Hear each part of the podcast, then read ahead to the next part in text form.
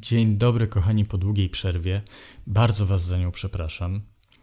Powodów jest kilka i jednym z nich właściwie jest przedmiot tego odcinka.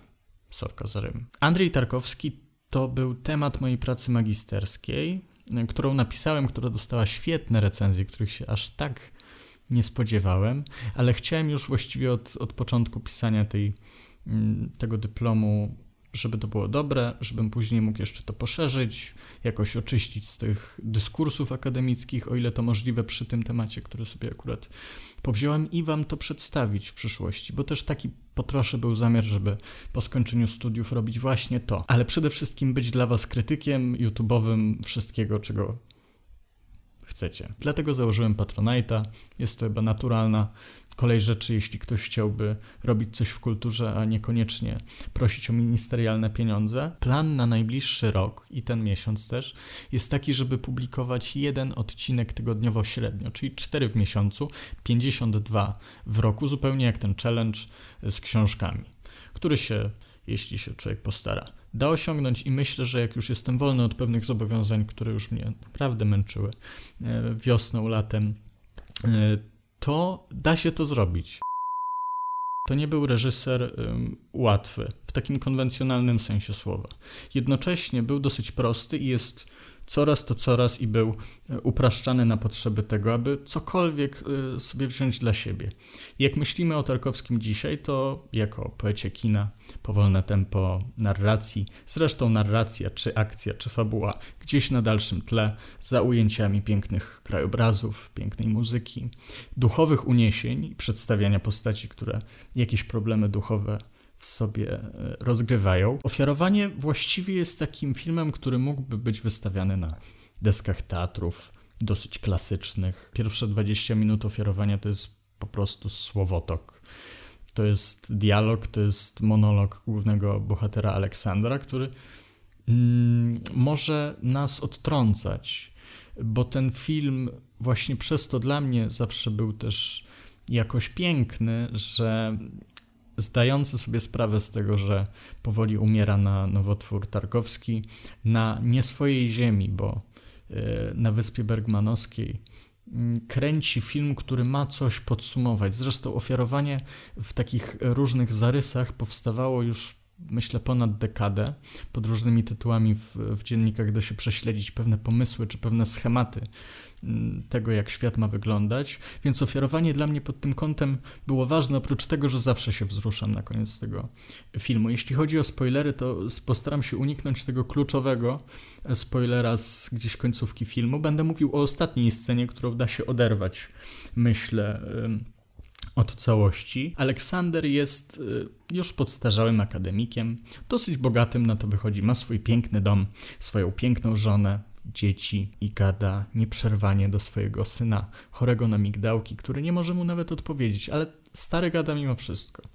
O wielkich problemach tego świata, o cywilizacji. Taka naiwna lektura tej sceny mogłaby polegać na tym, że po trosze są to poglądy Tarkowskiego. I słusznie, ale idąc jeszcze dalej i patrząc na to jaki stosunek do dialogu ogólnie, czy do słów mówionych w filmie ma Tarkowski, moglibyśmy uwierzyć, że nie chodzi o słabość reżysera e, do, do tej sceny, która ma jakoś przedstawiać jego poglądy, tylko do tego, że mówi się tam za dużo.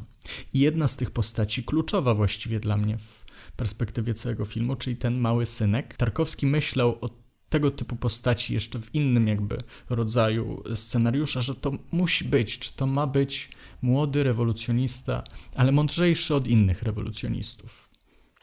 Właściwie niemy ośmiolatek. Zdaje się to trochę absurdalne, jeśli się zna ten film, że chłopiec miałby odegrać jakąś znaczącą rolę.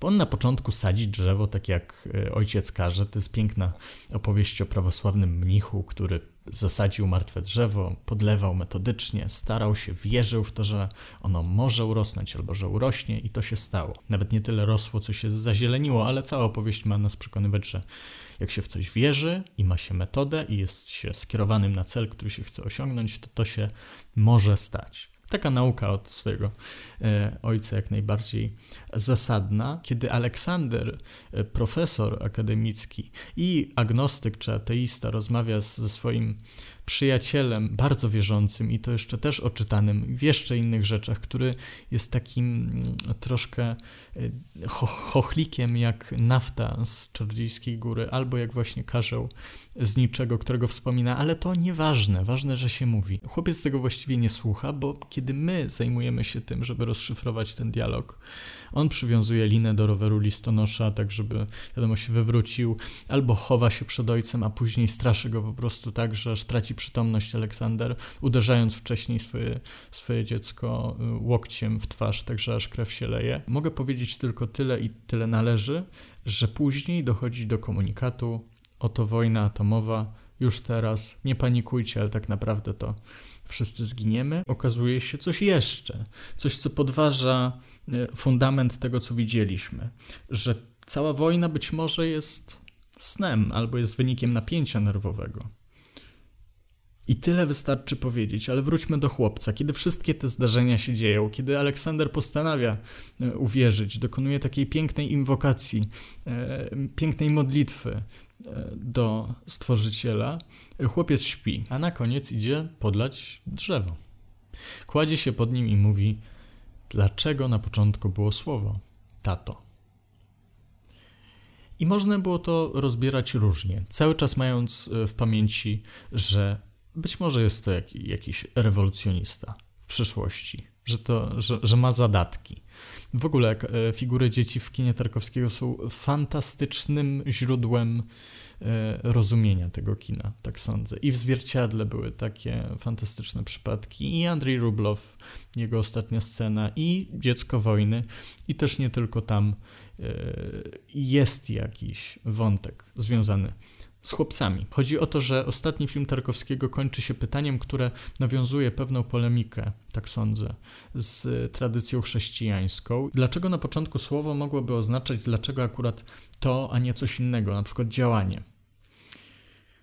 Dlaczego na początku było słowo, mogłoby oznaczać, skąd mamy tę wiedzę, że na początku było słowo. Na początku być może nikogo z nas, czy z pewnością nikogo z nas nie było, ale widocznie zakładamy, że, że na początku tak się stało. Dlaczego tato kieruje tą uwagę autorytetu, czy mm, kreacji autorytetu na ojca, który w, w, chwili wypowiedzi tego pytania jest gdzieś indziej. Być może młody rewolucjonista niedługo doskonale będzie sobie zdawał sprawę z tego, że użycie frazy na początku było słowo oznacza przynależność do pewnej formacji kulturowej, jaką jest formacja chrześcijańska że my wierzymy, że na początku było słowo, zupełnie tak jak moglibyśmy wierzyć, że drzewo urośnie. I chłopiec idzie w tą metodę. Tak naprawdę dziecko w kinie Tarkowskiego wielokrotnie było pewnym aparatem krytycznym w stosunku do systemu. Dla Tarkowskiego zresztą ta opowieść o drzewie nie była tyleż opowieścią o wielkich możliwościach wiary i duchowości i religii, tylko raczej metodzie, o powtarzalności. Nawet jeśli będzie to metoda twórcza polegająca na tym, że poszukuje cały czas w ten sposób, który mnie wyraża.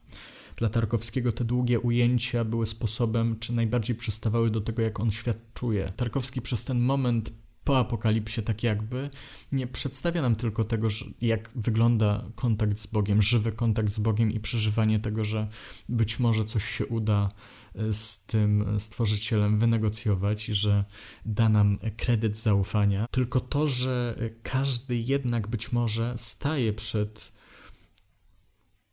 problemem, który może się okazać całkiem subiektywny, ale jednocześnie wywołać taką machinę, która czy burzy wszystko i na nowo buduje, czy wszystko zmienia.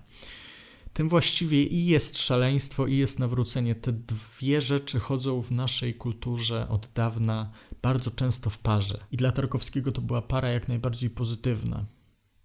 Rozłączenie się kontaktu jednostki z tak zwanym logosem, rozumem czy uzgodnioną doświadczalnością świata i pójście własną drogą, która prowadzi do tej tajemnicy, jakakolwiek by ona nie była, to było to. To było to, co go fascynowało i w różnych postaciach wracało to w jego zapiskach, w jego filmach. Właściwie w każdym filmie dałoby się taką postać, e, która stoi rozkrokiem pomiędzy rozumem a nierozumem, profanacją a świętością zauważyć. I to jest dla mnie wspaniałe. Tak sobie przez te parę lat usiłowałem tłumaczyć to, co widzę w ofiarowaniu, nie decydując koniecznie na to, która płaszczyzna rzeczywistości jest y, prawdziwa. Czy będzie to sen, czy będzie to faktyczna, faktyczne spełnienie się kontaktu z Bogiem, czy będzie to psychoza kliniczna. Dziękuję bardzo za uwagę. Jeśli Wam się podobało,